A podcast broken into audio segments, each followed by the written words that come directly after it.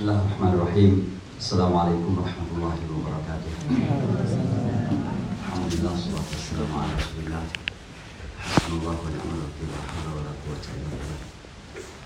Tentu yang saya hormati Bapak Konjen, para pejabat KJRI dan staf yang hadir pada malam hari ini, para tokoh agama, tokoh masyarakat, hadirin dan hadirin sekalian yang dimuliakan oleh Allah. Tentu kalau melihat semangat, saya tidak akan menyamai semangat moderator semangat luar biasa, beliau berapi-api gitu ya. Dan beliau sudah banyak menyampaikan tentang banyak hal dari negeri kita tercinta. Saya ingin tentu memulai dengan menyampaikan terima kasih banyak atas kesempatan ini sebuah penghargaan luar biasa saya bisa hadir pertama kali di Lombok.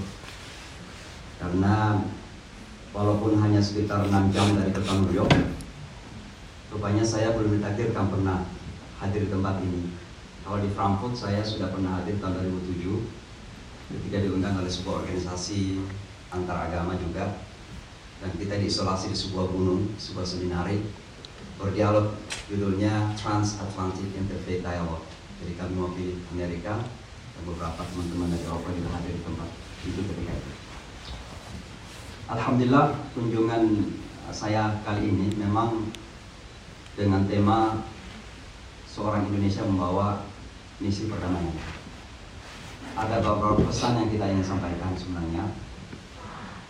Yang pertama, kita ingin menyampaikan bahwa asumsi yang terbangun selama ini, persepsi yang terbangun selama ini tentang Islam itu ada banyak yang perlu kita koreksi. Dan pengalaman kami di Amerika menjadi motivasi terus-menerus untuk berbuat sekecil apa pun agar persepsi yang salah ini bisa kita ubah atau minimize perkecil minimal. Kenapa saya memaksakan diri? Karena saya merasa bahwa kita bangsa Indonesia ini punya kapasitas, punya potensi dan sekaligus punya integritas untuk itu.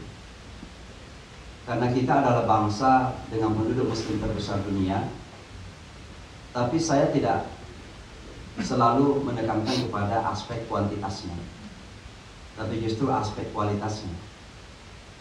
Karena tentu teman-teman muslim tak paham bahwa yang namanya umat itu penekanannya ada pada kualitas. Ibrahim itu seorang, tapi diistilahkan umat.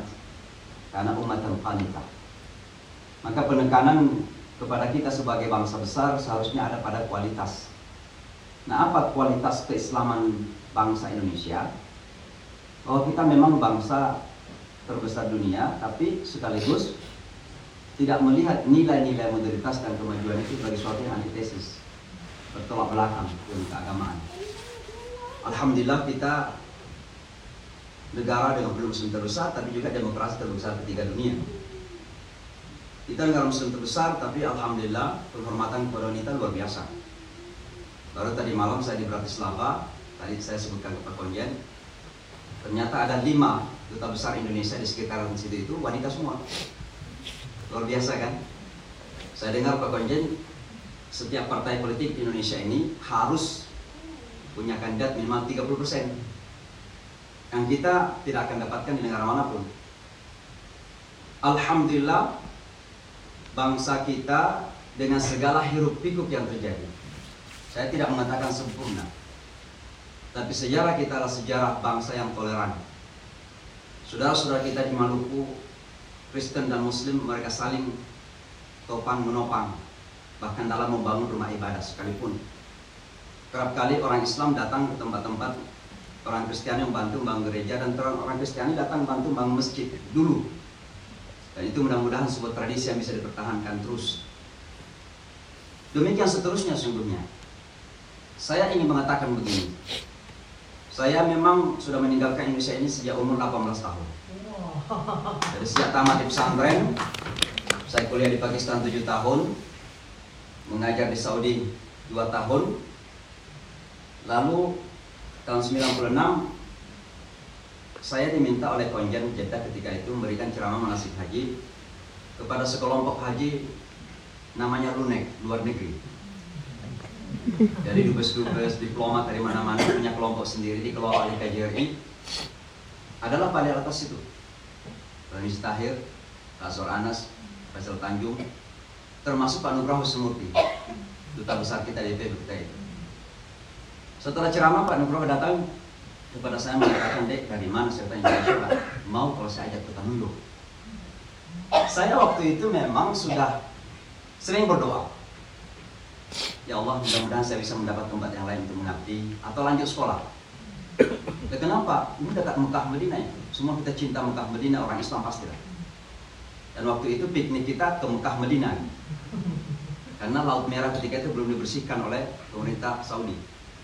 Maka setiap Kamis malam pasti kita lari Masjidil Haram, itikaf sampai selesai Jumatan baru pulang rumah. Itu itikaf itu piknik kita. Tapi saya gerah ketika dengan saudara. Kegerahan saya karena dua alasan. Pertama karena perilaku kepada TKI, TKW kita kita itu. Waktu itu masih banyak TKI TKW, belum dihentikan. Saya dengar sekarang sudah tidak ada lagi. Alhamdulillah. Tentu menderita tidak sakit hati kita melihat kerja kita, fakta-fakta, kasus-kasus yang terjadi. Tapi bukan itu yang paling penting bagi saya. Kenapa saya tidak bertanya Saudi Arabia? Karena ada kecenderungan untuk menyeragamkan penafsiran agama. Saya ini waktu kecil nakal, makanya dimasukkan ke pesantren. Kalau nggak nakal mungkin nggak masuk pesantren. Karena saya punya tendensi nakal seperti itu, nggak bisa menerima penyeragaman itu. Sebab dalam pemahaman saya, selama masih dalam atap yang sama, kalau artinya umat Islam itu Quran dan Sunnah, bisa banyak perbedaan. Ini beliau NU, saya teman-teman pesantren Muhammadiyah. Tentu kalau datang bulan Maulid, teman-teman ini melakukan maulid. Muhammadiyah tidak. Tapi kita masih berada di bawah atap yang sama. Quran dan Sunnah. Sunnahnya di mana? Sama-sama cinta Rasulullah SAW. Teman NU kenapa salawatan, melakukan maulid? Karena cinta kepada Nabi. NU tidak melakukan, Muhammad tidak melakukan itu juga karena cinta. Kenapa? Takut nanti sunnahnya dilanggar. Itu kan cinta. Berarti ada common ground di situ ada pijakan bersama di situ. Walaupun beda melakukannya, tapi punya dasar yang sama. Dasarnya apa? Cinta Nabi. Loh, kalau begitu tak perlu bermusuhan dong. Hanya gitu. gitu. Jadi Saudi itu ingin menyeragamkan penafsiran yang disebut dengan penafsiran ketika itu memahami ada istilah-istilah macam-macam. Ada yang istilahkan apa pemahaman agama Wahabi, belakangan disebut Salafi dan sebagainya. Nah, saya tidak menerima itu, maka saya kurang betah. Pak Nugroho mengajak saya ke Tanuyo. Sejak kapan? Desember 96 saya sudah mendarat di Kota Nuyo. Berarti kalau dihitung itu sekarang 23 tahun. Cukup lama saya luar negeri. Sudah tua pokoknya. Luar negeri. Tapi alhamdulillah masih orang Indonesia, wajahnya Indonesia, lidahnya Indonesia. Ya sesuai pakaiannya pakai Indonesia ini ala Betawi sebenarnya ini. Ya, sebentar, sebentar. Paling gak tahan kalau cinta istri. Dan saya cinta produk-produk Indonesia. Oh. Dan produk terbaik dan terhebat dari sebuah bangsa itu manusianya. Karena manusianya yang akan menentukan wajah sebuah bangsa. Karena saya cinta produk Indonesia, maka istri saya orang Indonesia. Itu sebenarnya jawabannya. Anak saya baru enam. Baru. Baru. Baru. 26 tahun sampai kepada 5 tahun. Jadi rumah saya ramai. Dan namanya juga Kota Noyo harus ramai. Masa kita sepi dalam dulu? Kota Noyo harus ramai. Jadi anak saya baru enam. Alhamdulillah. Kenapa saya menyebutkan ini? Karena sejauh-jauh kita berjalan, sebanyak negeri yang kita seberangi. Allah sudah mentakdirkan saya jalan dari New Zealand sampai ke Eropa ini. Keliling ke Timur Tengah, ke Afrika dan sebagainya. Dan saya harus mengatakan sebanyak negeri yang kita seberangi, semakin kita bangga dengan Indonesia. Dan mohon maaf, bahkan sudah orang mengganti paspornya itu masih bangga dengan Indonesia. Di New York itu ada sekelompok orang namanya lansia, lanjut usia. Orang yang sudah di sana sejak tahun 40-an, zaman sebelum eh, merdeka sudah di sana, paspornya udah pastilah Amerika. Tapi selamanya itu ingin saja cinta Indonesia itu. Ada sesuatu yang menarik. Nah saya kira kecintaan kita kepada negeri ini bukan tanpa alasan. Sebab negeri kita memang betul-betul negeri yang hebat sebenarnya. Luasnya, kalau terbang dari Aceh sampai Maluku itu 6 jam. Jadi kalau terbang dari Washington ke San Francisco ke Los Angeles dan seterusnya. Walaupun ada Hawaii yang lebih jauh lagi ke sana. Tapi maksudnya besar secara geografis, kaya raya hijau. Inovasi luar biasa, inovasi ini ibu-ibu kalau masak beras jadi nasi, ya kan? Kalau nasinya basi, jangan dibuang loh, dikeringin. Ingin Nanti dijual kerupuk. Kalau mau di- ditambah lagi saji gula jadi kue lagi kan. Inovasinya dari makanan itu luar biasa. Nah kalau kita berbicara tentang Indonesian cuisine, kita pusing menentukan yang mana Indonesian makanan Indonesia itu. Dari Aceh sampai Papua, saya baru-baru ini pulang dari Papua, dari Jogja, dari Jambi, dari Batam, dari beberapa tempat lah. Saya diundang oleh uh, Kodam di, di Papua untuk berbicara tentang damai Papuaku karena baru-baru ada gesekan antara masyarakat Bugis dan lokal. Maka saya diundang memberikan ceramah. Alhamdulillah teman-teman Kristen banyak yang datang. Walaupun kehadiran saya seolah-olah dijaga betul pakai PM ya, polisi militer terus di mana-mana. Kemudian saya diundang oleh Sri Sultan memberikan ceramah tentang posisi kultur dalam tatanan agama Islam itu di mana. Padahal pada rangka hari jadi keraton baru-baru. Nah, kita pusing arah menentukan makanan Indonesia itu yang mana? Di Makassar saja, mau Coto Makassar ada, mau Palu Gondro ada, mau Palu Basa ada, mau Palu Mara ada. Pusing kita yang mana? Hanya di Makassar saja. Saya kemarin di Jambi itu, saya bilang, kalau saya itu ke daerah, saya ingin makanan asli, asal halal saja. Makanan asli daerah. Tiba-tiba saya dibawa ke sebuah restoran dikasih ikan. Saya kan suka ikan, ikan kalau bahasa ikan, nggak ada ikan Ikan. nggak ada ikan. Dikasih ikan gitu. Tapi begitu saya coba manis, kok manis? Karena memang dimasak pakai durian ya. Di Jambi. Apa namanya itu? Oh, ada namanya di Jambi. Tempoyak. Tempoyak. Tempoyak. Tempoyak. Tempoyak. Kemudian di Papua ada pa- pape pape tuh. papeda. Luar biasa. Nah pusing kita itu. Hanya makanan saja ya. Belum pakaian, belum kultur, nah, luar biasa. Tapi saya kira yang paling membanggakan adalah karakter kebangsaan. Itulah yang disebutkan tadi, Alhamdulillah. Saya mengatakan dengan hidup pikuk yang terjadi, saya tidak mengatakan tidak ada gesekan-gesekan. Ada gesekan-gesekan sosial. Tapi di mana saja di dunia ini ada Pak Kunjung menyebutkan. Amerika saja yang sudah beratus-ratus tahun merdeka itu masih ada gesekan. Kita masih ingat yang namanya Civil Rights Movement di Amerika Serikat. Perjuangan orang hitam untuk perjuangkan hak-haknya begitu. Maka di mana di semua bangsa dunia ini pasti akan ada gesekan-gesekan. Tapi alhamdulillah kita bisa lalu- lalui, kita bisa redam, kita bisa berkecil dan tetap kita mempertahankan NKRI. Kenapa itu bisa terjadi? Karena ada karakter kemanusiaan. Apa karakter kemanusiaan kita? Alhamdulillah, kalau dari sudut pandang Islam disebut akhlakul karimah kita itu. Akhlak-akhlak yang mulia. Gotong royong, sepan santun, berkata, bertutur kata yang baik, hormat kepada orang, menghormati yang lebih tua atau dituakan. Dan kita itu sudah menjadi darah dagingnya, bagian dari karakter, bukan sekedar karena ada yang impose gitu. Bahkan mohon maaf ini mungkin radikal statement, statement agak radikal. Kalau agama kita simpan sebentar di samping kita, anggaplah kita kosong dari agama ini. Lalu kita mengatakan I am an Indonesian, maka kemungkinan karakter kita sudah seperti akhlak Islam tadi. Karena itulah Islam kita. Agama Islam. Demikian juga teman-teman Kristiani dengan cinta kasihnya, bagaimana bergaul dengan orang, menghormati orang sama kok. Secara sosial, tatanan karakter kemanusiaan pada setiap agama itu sama sebenarnya. Yang beda itu konsep-konsep akidah, ritual dan sebagainya. Tapi sebagai manusia, semua kita menuju kepada satu itu. Kemuliaan perilaku dan karakter. Dan inilah yang membanggakan dari bangsa kita sebagai bangsa Indonesia. Cuman memang dengan keragaman yang ada ini, seperti Pak Konja sebutkan tadi, bisa menjadi rahmat di satu sisi, blessing, tapi juga tidak menutup kemungkinan menjadi penyebab gesekan-gesekan yang kita sebutkan tadi. Dan oleh karenanya menjadi tanggung jawab kita semua untuk menjaga bagaimana agar gesekan-gesekan yang terjadi itu jangan terulang. Dan kalaupun terjadi kita minimize dampak. Ya termasuk gesekan-gesekan politik. Kemarin luar biasa itu. Seperti tadi sampai ada istilah-istilah yang sesungguhnya tidak perlu gitu. Tapi insya Allah sudah berlalu sekarang masa kita membangun bersama bangsa negara kita. Lalu sudah berlalu lah.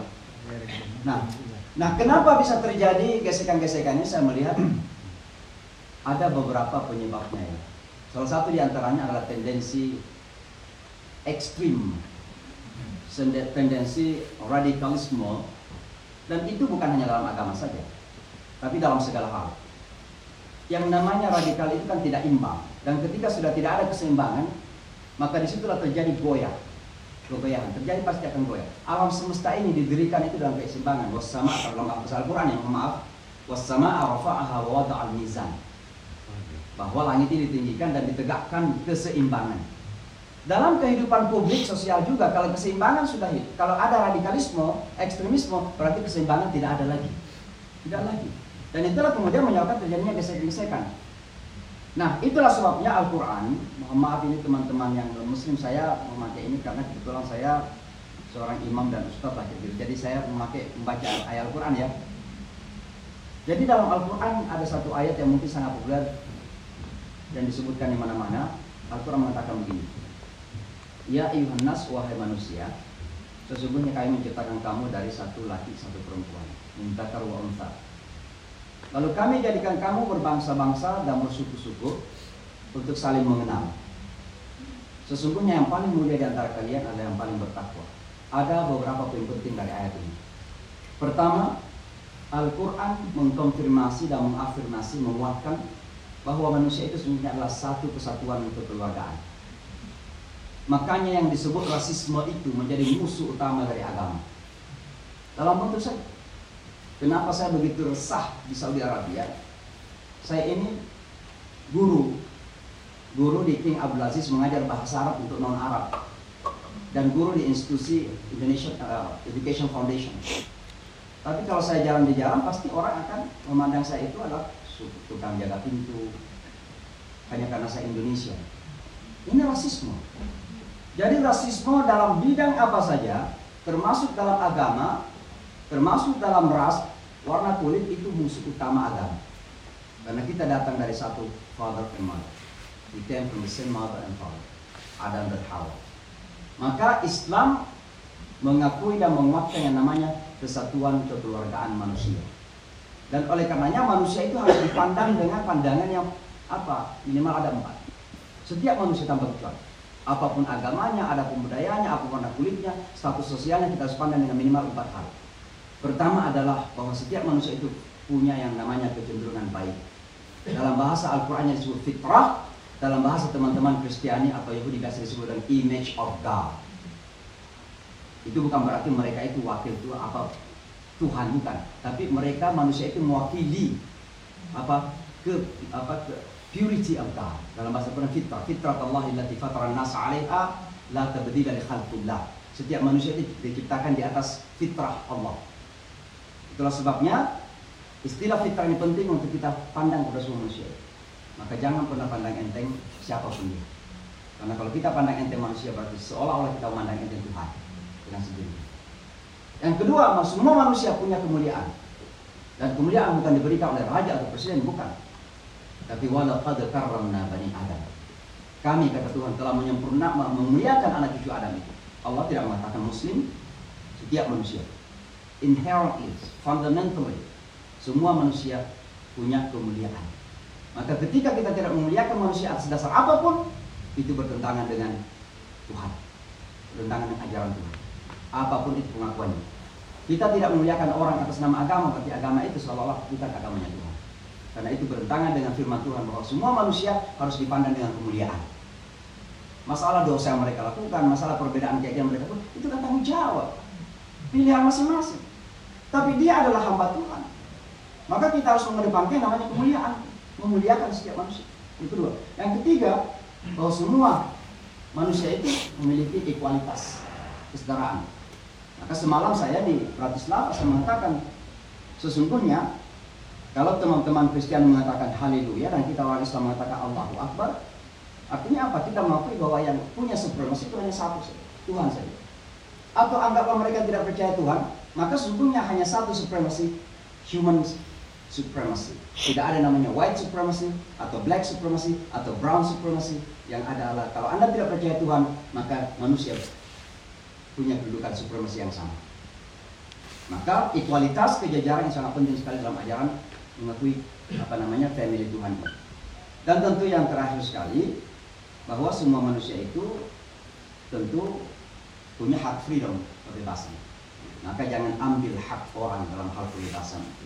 Beragama pun tidak boleh dipaksakan. La ikraha Maka saya sering mengatakan kepada teman-teman muslim misalnya yang memakai jilbab ini, Anda pakai jilbab itu kan tidak dipaksa oleh siapa Tidak oleh ayahnya, tidak oleh suaminya, tidak oleh presiden, tidak oleh negara, tapi adalah kesadaran batin Anda setelah mempelajari dia, oh ini bagi saya adalah ajaran agama, laksanakan.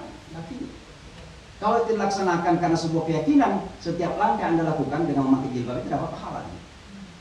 Tapi memakai itu adalah karena dipaksa oleh lingkungan, ikut-ikutan kebanyak artis, pakai jilbab, saya juga pakai jilbab, biar dilihat sebagai artis, ya gak dapat pahala dong. Karena dipaksa oleh situasi, lingkungan sih. Itu namanya kebebasan bahkan dalam beragama sekalipun. Inilah empat hal kalau kita mandang. Jadi ayat nas itu penting sekali. Lalu Al-Quran mengatakan waja'alnakum syu'ubat wa Apa artinya? Memang kita satu keluarga, tapi dalam satu keluarga itu ada keragaman. Keragaman itu beauty. Sesuatu yang cantik sekali.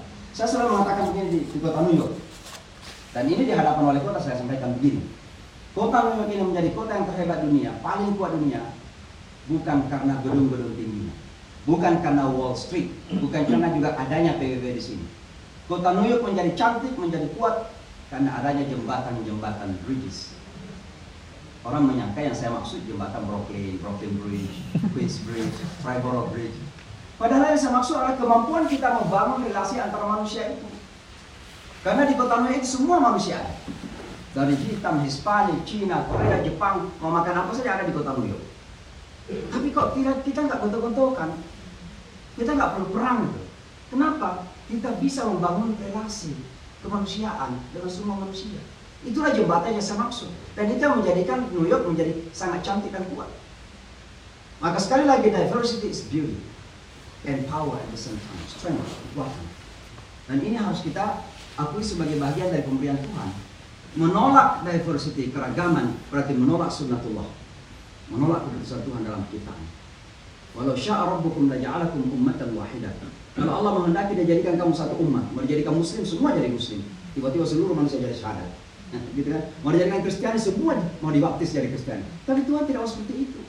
Memang Tuhan sengaja kita membuat kita bermacam-macam. Kenapa? Salah satu di antaranya adalah agar kita bisa saling bergotong royong dalam bahasa kita di Indonesia.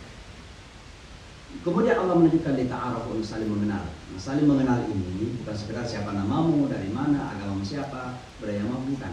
Tapi ada caring, sharing, dan appreciation. Saya sejujurnya banyak belajar dari teman-teman non muslim di, di kota New York. Sehingga saya dalam memahami agama Islam ini mungkin teman-teman di Indonesia banyak yang mengkritik saya misalnya menceritakan waktu saya pertama kali datang di kota New York saya itu bertetangga dengan seorang keturunan Irlandia beragama Katolik setiap pagi dia keluar membersihkan depan rumahnya itu depan rumah saya juga nah saya kan boleh dikata hampir belum pernah ketemu non muslim sebelum ke Amerika karena saya itu di pesantren. Jadi tamat SD langsung pesantren. Di pesantren tidak ada non muslim dan jarang kita keluar dari pesantren.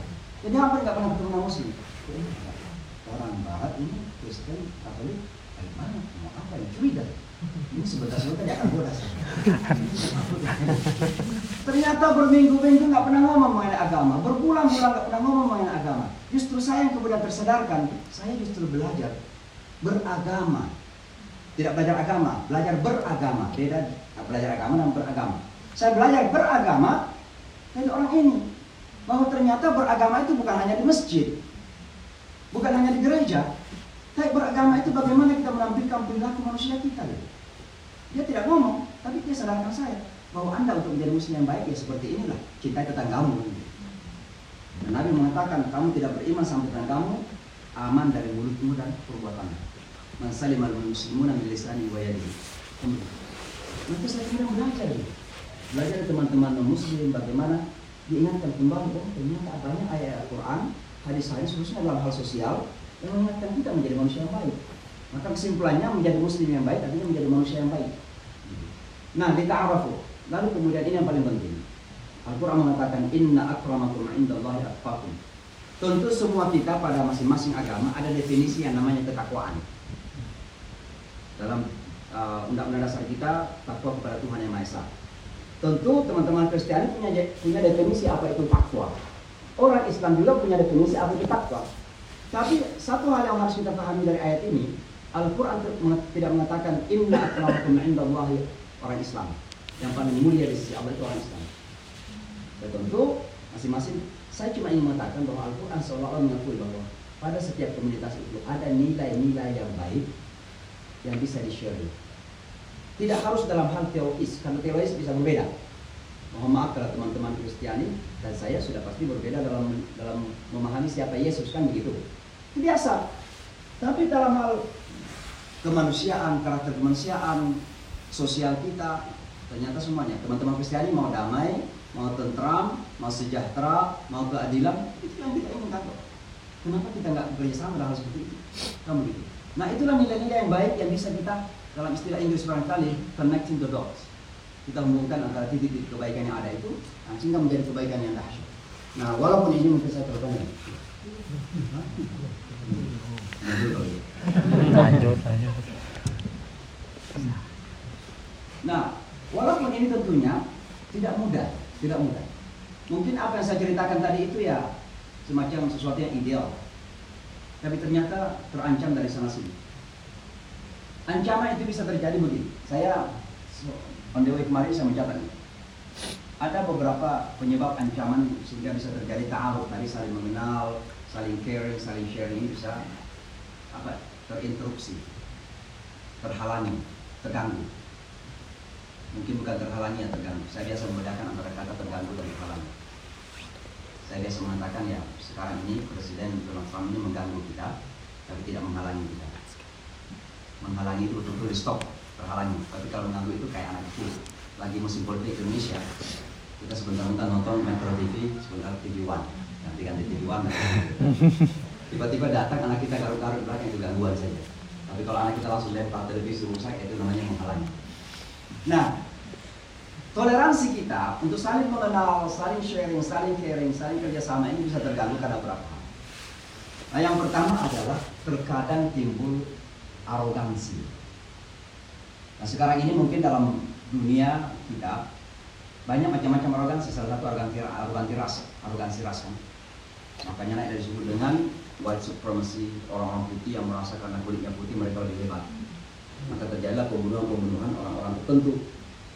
Serbia baru misalnya terjadi pembunuhan orang Islam 21 dalam satu kejadian ditembak mati.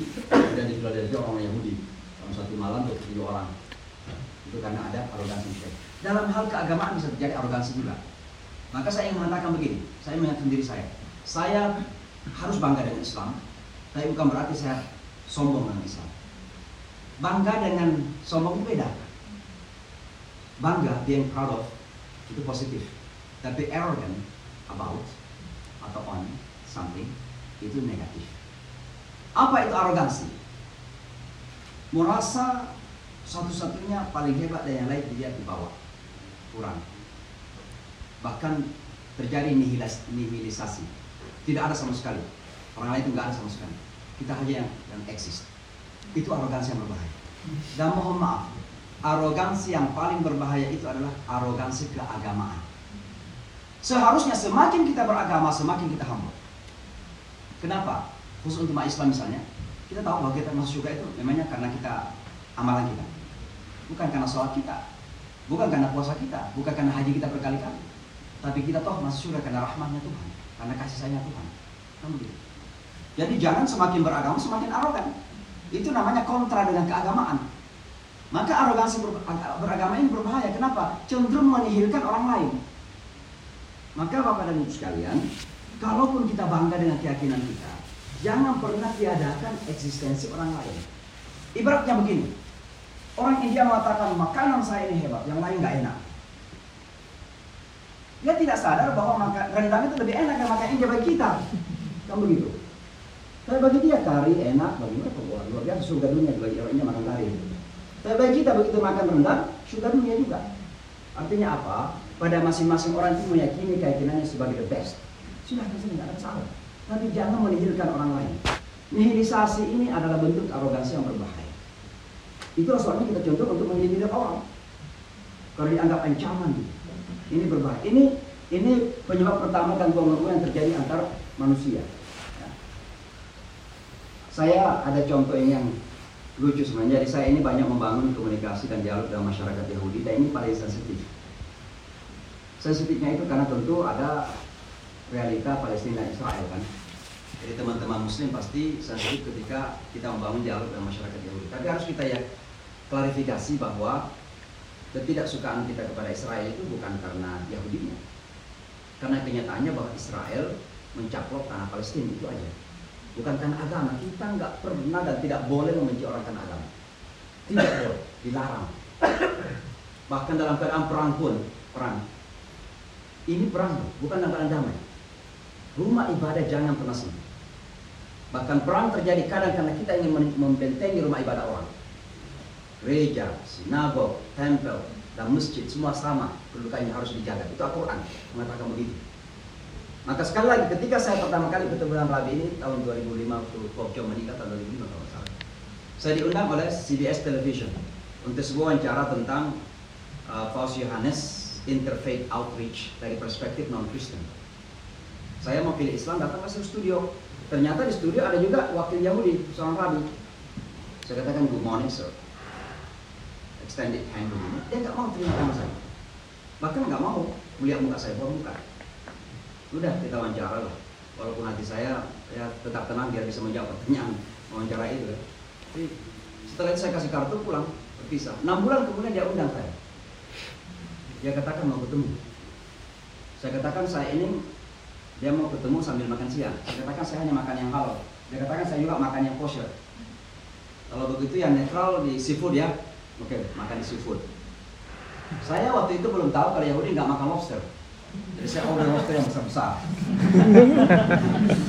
Padahal enak. Rupanya dia perhatikan saya, mungkin disangkanya ini saya kurang sensitif. Karena saya belum tahu bahwa dia itu nggak makan lobster. Jadi ortodoksnya nggak makan lobster. Lalu saya bilang, saya, saya bilang, kenapa nggak kamu order lobster yang enak ini? Baru dia kasih tahu, saya nggak makan lobster itu. Nah pertanyaan pertama yang saya tanya kepada dia waktu ketemu itu, kenapa kamu tidak mau melihat muka saya di studio dulu? Ada dua alasan, dia jujur. Pertama, I was not sure bahwa anda itu muslim. Saya tidak yakin kalau anda itu muslim. Karena ini kan ada stigma, ada persepsi yang mengatakan kalau hidung kita mancung ke dalam, ini imannya kurang. Jadi harus orang Arab muslim. Itu kan stigma Semakin mengatakan semakin. Jadi dia nggak percaya kalau saya orang Islam tuh ada muka, apalagi imam katanya, mukanya lain gitu. Yang kedua dia bilang past tense ya past tense. I did not like Muslims. Loh, kenapa anda mengundang saya sekarang?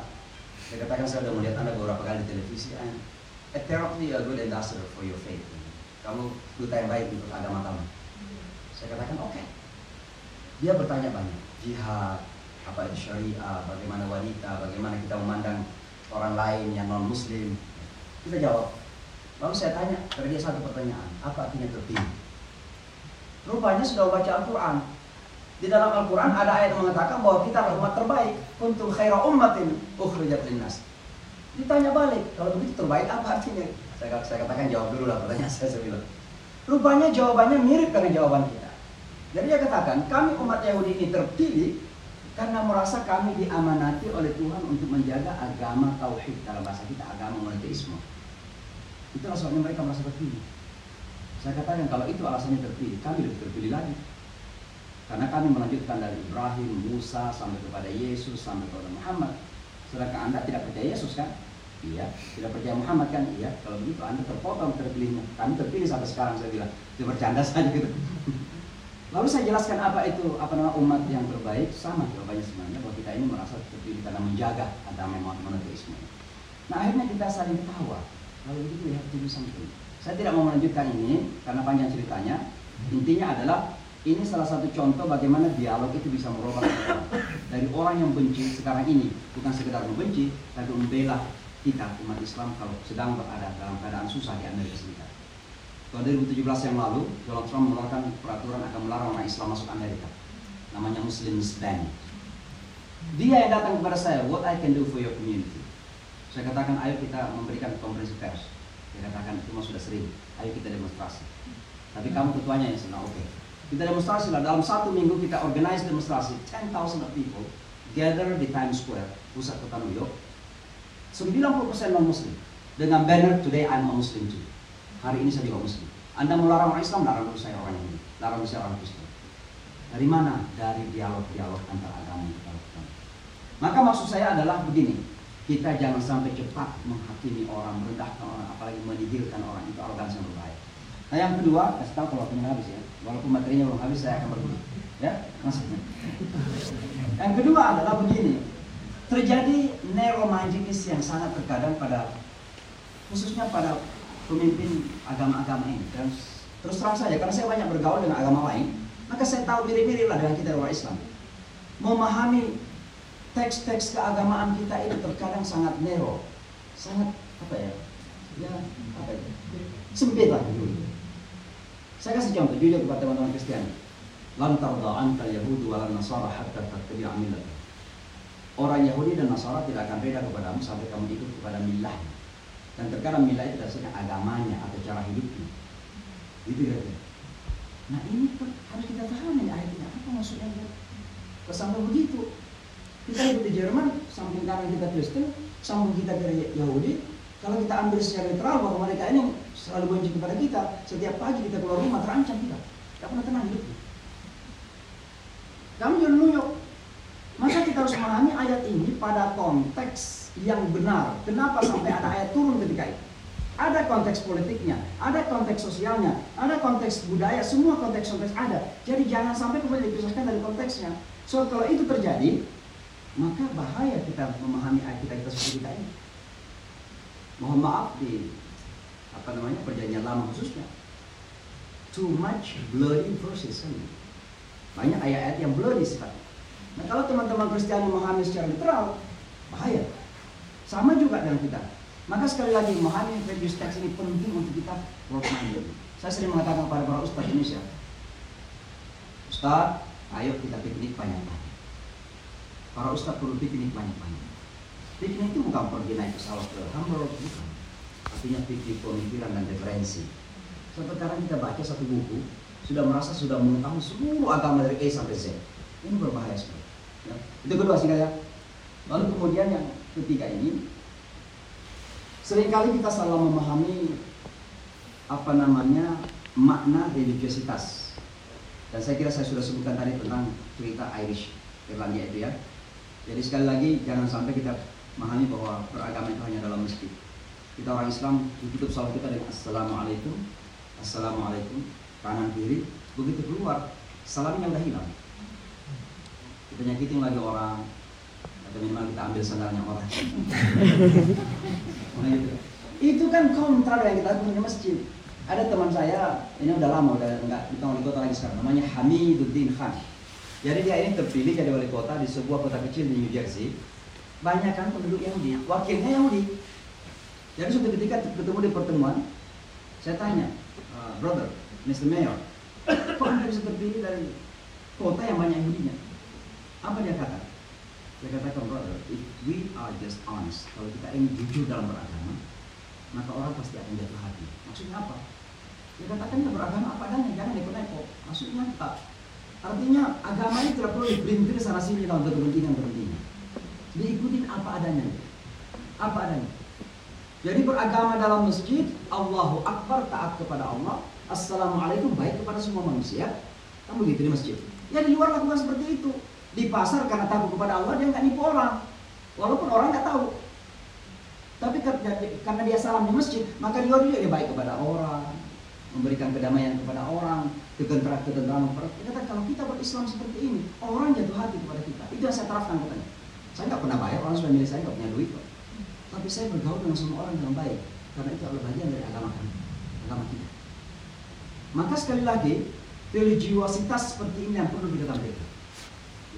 Selalu saya mengatakan dan ini saya akan sampaikan nanti dari ceramah yang satu nanti bahwa ketika kita ingin merubah persepsi dunia barat tentang Islam yang selama ini sudah cukup salah ini, satu yang hal yang paling efektif yang bisa kita lakukan adalah ketauladanan.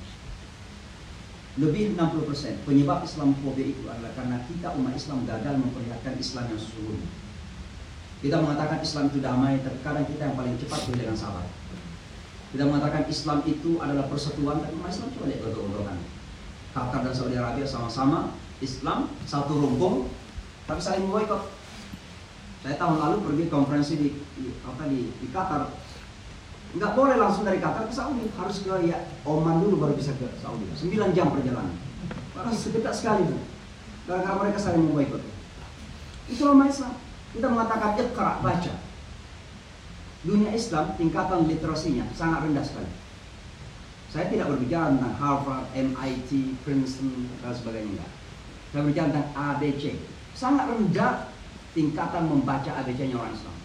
Di Saudi, ini mohon maaf sedikit, bukan sama sekali berburukan, tapi hanya menceritakan fakta saja.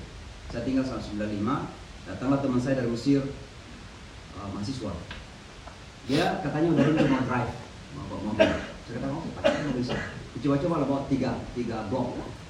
Ditahan polisi, rukhsah, rukhsah. Artinya SIM-nya di mana? SIM, license. Dikasih kartu pelajar, tapi bentuknya memang mirip SIM. Polisi ini pura-pura baca, gitu di kanan, gitu di mereka disangkanya itu SIM. Karena rupanya dia nggak bisa membaca. Kartu pelajar saya SIM. Polisi nggak bisa membaca itu. Nah padahal ayat pertama yang turun dalam Al-Quran itu adalah perintah membaca. Minimal ABC bisa kita baca. Walaupun makna dari membaca itu horizon. Pemikiran kita harus luas, maksudnya. Tapi itulah kenyataan. Jadi sekali lagi, bagaimana kita bisa menampilkan Islam ini keteladanan dalam, dalam merubah persepsi itu. Nah tentu yang sebelum yang terakhir sekali adalah ini banyak konsep-konsep keagamaan yang perlu kita redefine, perlu redefinisi. Misalnya, mati di jalan Allah. Kalau mau mati di jalan Allah kan hidup di jalan Allah. Jadi orang main kompas gitu, mau langsung mati di jalan Allah. Orang hidupnya belum tentu di jalan Allah. Maka hidup di jalan Allah dulu lah sebelum mati di jalan Allah. Insya Allah kalau hidup di jalan Allah pasti akan mati di jalan Allah. Makanya kadang mati di atas kasur itu pun di jalan Allah. Kalau selama ini pertahankan nilai-nilai keagamaan kita itu. Tapi kemarin kita membenci orang, kemarin kita nyakitin orang, kemarin kita nyakitin san, tiba-tiba besok mati, emang mati di jalan Allah. Baru kemarin nyakiti banyak orang. Boleh jadi cuma mati di jalan setan. Maka proses seperti ini kita penguruskan. Termasuk juga jihad yang terlalu sempit. Ini kewajiban kita untuk menjelaskan. Jadi konsep-konsep yang terlanjur disalahpahami dan sengaja ditampilkan sebagai sesuatu yang menyeramkan ini, tanggung jawab kita umat Islam untuk memberikan definisi-definisi yang positif. Definisi yang positif. Mohon maaf, kata syariah sering kali ditakutkan. Kenapa? Kata syariah sering gambarkan potong tangan, rajam. Syariah itu artinya menjalankan hukum-hukum agama yang ditetapkan oleh Tuhan. Salat itu syariah bagi kita. Puasa itu syariah bagi kita, zakat itu syariah bagi kita, haji itu syariah bagi kita. Tersenyum kepada tangga itu juga syariah. Karena bagi kita tersenyum bukan sekedar social issue. Kita diperintahkan tabassumu kafiyahi akhika sadaqah. Tersenyum kepada saudaramu itu sadaqah. Maka kalau kita senyum karena memahami hadis tadi, itu bagian dari hukum agama yang kita lakukan. Itu namanya syariat. Tapi syariat kan dipahami syariahnya Taliban, syariahnya Saudi Arabia, terkadang pembantu membela diri karena mau diperkosa, dan dia bunuh, dia yang dibunuh. Perintah mereka itulah syariat Islam yang menakutkan. Mispraktis yang terjadi kemudian kita pakai sebagai alasan untuk memburuk-burukkan konsep keagamaan. Maka sekali lagi ada beberapa konsep yang harus kita luruskan dan yang terakhir sekali untuk menjaga supaya hubungan antar kelompok manusia ini, khususnya negara kita, harus kita berani keluar dari comfort zone kita masing-masing. Harus kita berani. Jangan kita dibatasi oleh dinding-dinding masjid, dinding gereja. Mari kita bergaul secara luas. Karena mohon maaf, sering kali kita mengambil kesimpulan tentang orang tanpa pernah kita bertemu dengan orangnya. Ya, teman-teman yang di Hamburg atau di Jerman ini kan biasalah ber, bertemu berpapasan dengan orang Yahudi barangkali. Tapi yang tidak pernah ke Jerman, tidak pernah ketemu orang Yahudi kan? Tapi kalau di Indonesia dikatakan Yahudi, di belakang kepalanya itu semua setan dunia itu punya Yahudi. Dan mohon maaf, jumping into conclusion seperti ini, saya kira sangat unfair. Kita orang Islam tidak mau berkata seperti ini.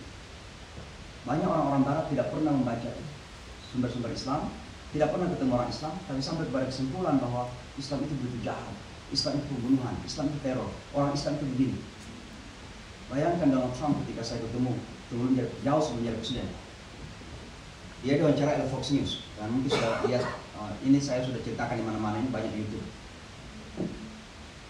Dia diwawancara oleh Fox News ditanya, menurut kamu Islam itu bagaimana? Dia katakan Islam itu adalah dangerous ideology dan Muslim itu bahaya. Tidak, tidak pakai lagi agama, religion, ideology. Kalau dikatakan orang Islam itu bahaya. Salah seorang teman saya itu namanya Russell Simmons, itu raja hip hop. Makanya salah satu title saya di di internet itu hip hop imam. Itu imam hip hop. Karena kebetulan berteman dengan Russell Simmons. Russell Simmons telepon saya, tanya imam, kamu benar nggak wawancara perang? Saya katakan iya. Oh ini kan ada gambar harus bisa lakukan? Saya katakan nggak bisa lakukan apa-apa. Orang kaya, orang tua, punya media, what I can do.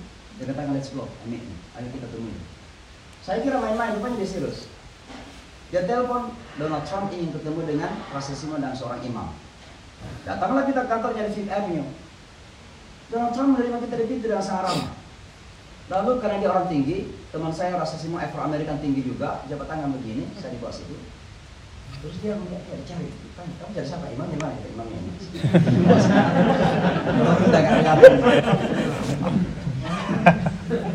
Kemudian dia ulurkan tangannya, jabat tangan sama saya, tapi ketawa. Ditanya, kenapa ketawa? Dia katakan, I never imagine to meet any Muslims that can smile. Saya tidak pernah bermimpi ketemu seorang Islam yang bisa tersenyum. Lalu kita duduk di kantornya, saya tanya, Mr. Trump, kenapa Anda bisa sampai kepada kesimpulan itu? Orang Islam nggak bisa tersenyum. Dia katakan, itu yang saya lihat di televisi. Setiap kali saya buka TV, orang Islam marah gitu. Orang Islam mau berperang. Orang Islam dalam bahasa dia, wanted to take over Amerika. Mau mengambil alih Amerika. Ya orang Indonesia itu serius marah. Saya katakan, Mr. Trump, sebelum saya datang menemui Anda, saya itu salah, salah apa ada, ada salah apa ya? Salah conclusion, salah kesimpulan. Saya kira Anda itu orang angkuh, saya bilang. Karena saya nonton show Anda namanya Apprentice. Kamu seperti angkuh, you are fired. Angkuhnya. Jadi saya kira itu Anda angkuh. Tapi ternyata Anda menerima kita dengan senyuman itu, dengan ramah saya bilang. Jadi mengambil kesimpulan tentang orang besar, orang hebat seperti Anda di televisi dari satu show, alangkah naifnya saya bilang, sama juga dengan Anda. Mengambil kesimpulan tentang 1,4 saya pakai 4 saja waktu itu, 1,4 miliar manusia, alangkah naifnya dan salahnya saya bilang. Sejak itu dia nggak pernah lagi ngomong mengenai Islam, tapi begitu kembali kampanye, rupanya sudah darah dagingnya begitu. Jadi maksud saya adalah, memang kita ini harus perlu keluar dari comfort zone kita. Temuilah saudara-saudara kita yang dulu, yang kita istilahkan itu the other, orang lain. Insya Allah apa yang mereka inginkan itu yang kita inginkan. Mereka ingin selamat, mereka ingin damai, mereka ingin tentram, mereka ingin sejahtera, mereka ingin keadilan. Sama dengan kita inginkan. Kenapa keinginan-keinginan yang baik-baik pada semua manusia ini kita nggak sambung? Mungkin kita dalam penyembahannya berbeda, karena dalam hal teologi berbeda, nggak apa-apa. Tapi ada keinginan-keinginan secara manusiawi yang sama semuanya, nggak beda. Nah kalau ini bisa kita keluar dari lingkungan rumah ibadah-ibadah apa wall of our masjid or church maka kita akan menemui orang ternyata yang punya kesamaan dengan kita ternyata komunitas itu lebih banyak dari perbedaan itu ya nah, maka sekali lagi teman-teman bapak dan ibu sekalian ini sangat penting sekali apalagi dalam dunia global yang seperti tadi Pak Konya sebutkan salah satu cirinya adalah bahwa dunia kita semakin mengecil. Dunia kita dan kecepatan apa namanya informasi khususnya bukan hanya transportasi tapi informasi. Kalau ada yang ngambil foto sekarang ini ini New York mundur 6 jam. Jadi berarti sekitar jam 1 sampai 9 di New York. Nah istri saya buka dimasukkan Facebook ya. Istri saya buka Facebook langsung lihat muka saya dulu di sini itu pada detik yang sama. Itu kecepatan dunia kita sekarang karena kecepatan seperti inilah maka dunia ini semakin mengecil kalau saya mengistilahkan itu dalam istilah PV itu small village, small city tapi kalau istilah saya itu rumah kita bersama kita ini hidup dalam satu atap yang sama, di bawah atap yang sama. Tinggal dua pilihan saja. Tinggal dalam satu rumah kecil, di bawah atap yang sama, gontok-gontokan, saling nonjok, atau mungkin saling damai. Saya kira orang berakal pasti memilih berdamai. Dan itu harus kita pilih. Saya kira demikian ya, pengantarnya panjang juga. Saya Assalamualaikum warahmatullahi wabarakatuh.